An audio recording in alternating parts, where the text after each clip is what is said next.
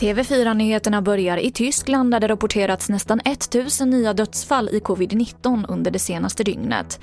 Landet har drabbats mycket hårdare av den andra pandemivågen än den första.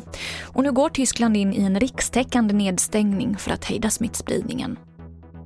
Brandsäkerheten för äldre som vårdas i hemmet faller mellan stolarna. Det här menar räddningstjänsten i Storgöteborg.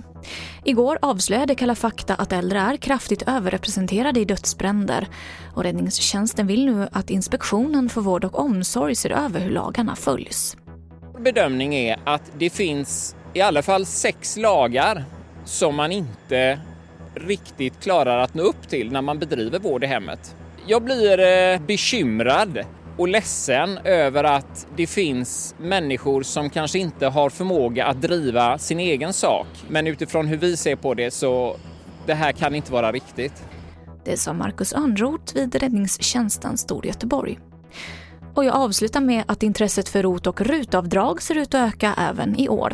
Störst är ökningen för IT och trädgårdstjänster visar statistik från Skatteverket som TT har tagit del av. Om en månad kvar av året så har drygt 5,4 miljarder kronor betalats ut i rutavdrag och 9,4 miljarder i rotavdrag. Och det var det senaste från TV4 Nyheterna. Jag heter Emily Olsson.